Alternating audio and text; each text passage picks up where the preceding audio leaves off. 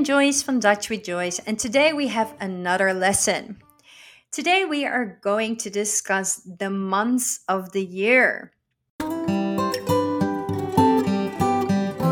So we already know the days, and I'm giving you a second to think about the days. For example, what is Monday? Monday is maandag. So keep that in mind as I will teach you the word for month. Maandag is Monday and maan is the moon, but the month is maand. So you take your maan plus a T sound, maand. Month is maanden, maanden. De maanden van het jaar, the months of the year. Luckily, most of the months are very similar. You will recognize them even if you don't know them yet. And that is because they are all coming from Latin and adjusted to both our languages. So, as a little twist, I will say the month in Dutch first and then in English so you can compare the both of them and listen how similar they are. So let's start at the very beginning with the first month of the year. De eerste maand van het jaar. Januari. Januari. January. Februari. Februari. February. Maart. Maart. March. April april, April. Mei, Mei, May. Juni, juni, June. Juli, juli, July. Augustus, Augustus, August. September, September, September.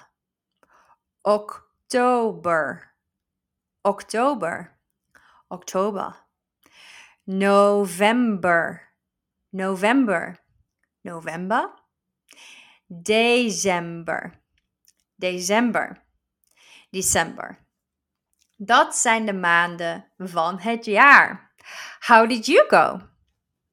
So let's try a couple of sentences with the months in them. We already know talking about our birthdays. So, how would you say my birthday is in January? The answer is Mijn verjaardag is in januari. Or even more authentic Dutch, Ik ben jarig in januari. Ik ben jarig in januari.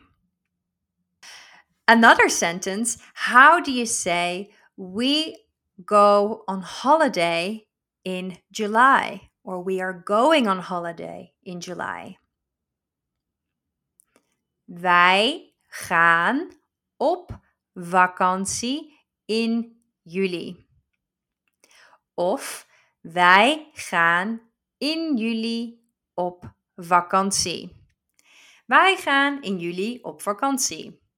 So make sure you don't translate the are going, but be very straightforward, just like Dutchies are, by just translating gaan, go, we go. Wij gaan in juli op vakantie. And the last one we are going to practice is school starts in September. What could that be? Dat is school begint in September of school start in September. So in Dutch, you can either say start or begint for starting or beginning something. School start in September. Well done. I encourage you to practice these months of the year and making sentences on your own. We would love to know how you are going, and we will see you next time. Doei!